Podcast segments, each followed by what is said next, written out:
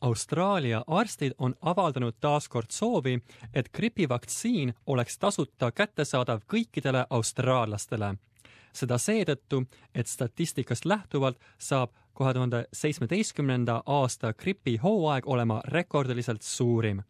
perearstil Natalie Caristol on just käsil kõige kiiremad ajad tänu valitsevale gripipuhangule.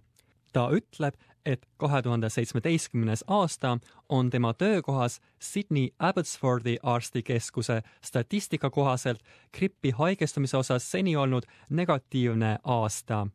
There's definitely been a significant increase in the number of cases of the flu recently. Um, this year's been um, quite severe, and particularly we've been seeing both influenza A and influenza B um, spiking at, at the same time.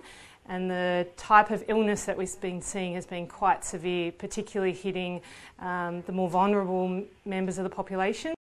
doktor Karisto vastuvõttudele saabub rekordarv grippi nakatunud patsiente. New South Walesi osariigi tervisepatoloogia vanemmeditsiini viroloogi professor Bill Rawlinson ütleb, et potentsiaalselt enneolematu gripilaine sai alguse neli nädalat tagasi They've come up very quickly, so we haven't had many cases. Then, about mid July, all of a sudden, we saw a really big uptick in the number of cases. We're still midway through. We're really at the peak of flu at the moment, and what we would normally see is over the next two to three weeks um, falling numbers but continuing flu. At, at the moment, it does appear that the rise has been higher than in previous years. Viimase kümne aasta jooksul on laboratoorset kinnitust leidnud gripijuhtumite arv tugevalt kasvanud.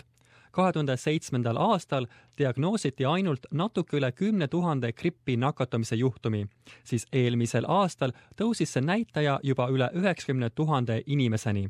siiani hoiab gripi haigestumise rekordit kahe tuhande viieteistkümnes aasta, kui üle saja tuhandel inimesel registreeriti gripp selle aasta jooksul on kinnitust leidnud juba üle seitsmekümne viie tuhande infektsiooni, mis on kindlalt enam kui samal ajal eelmisel aastal. Austraalia kuningliku perearstide kolledži doktor Bastian Siedeli ütleb, et laboratoorset kinnitust leidnud juhtumid on vaid väike osa kogu loost. Every year we are seeing 300,000 Australians who do contract the flu. 18,000 of them are going to be admitted to hospital because of complications. And unfortunately, 3,000 Australians will die from complications of influenza. viroloog ja professor Rawlinson ütleb, et kuigi keegi pole immuunne gripiga nakatumise eest, on mõnedel inimestel nakatumisele tõenäoliselt tõsisem reaktsioon. People with diabetes, people with chronic heart or lung disease, people who've received transplants, uh, Aboriginal, Aboriginal Torres Strait Islanders who are uh, over, particularly over the age of 50, um, as well as elderly people, and they're defined as over 65. Those groups are really at risk of more severe illness.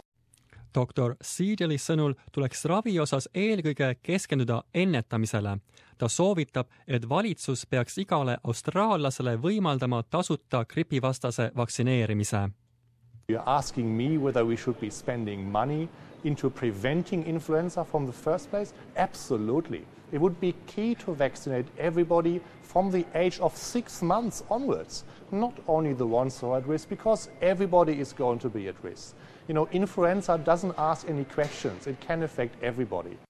doktor Siideli sõnum avalikkusele jääb kõlama selliselt, et gripi vastu vaktsineerida pole kunagi liiga hilja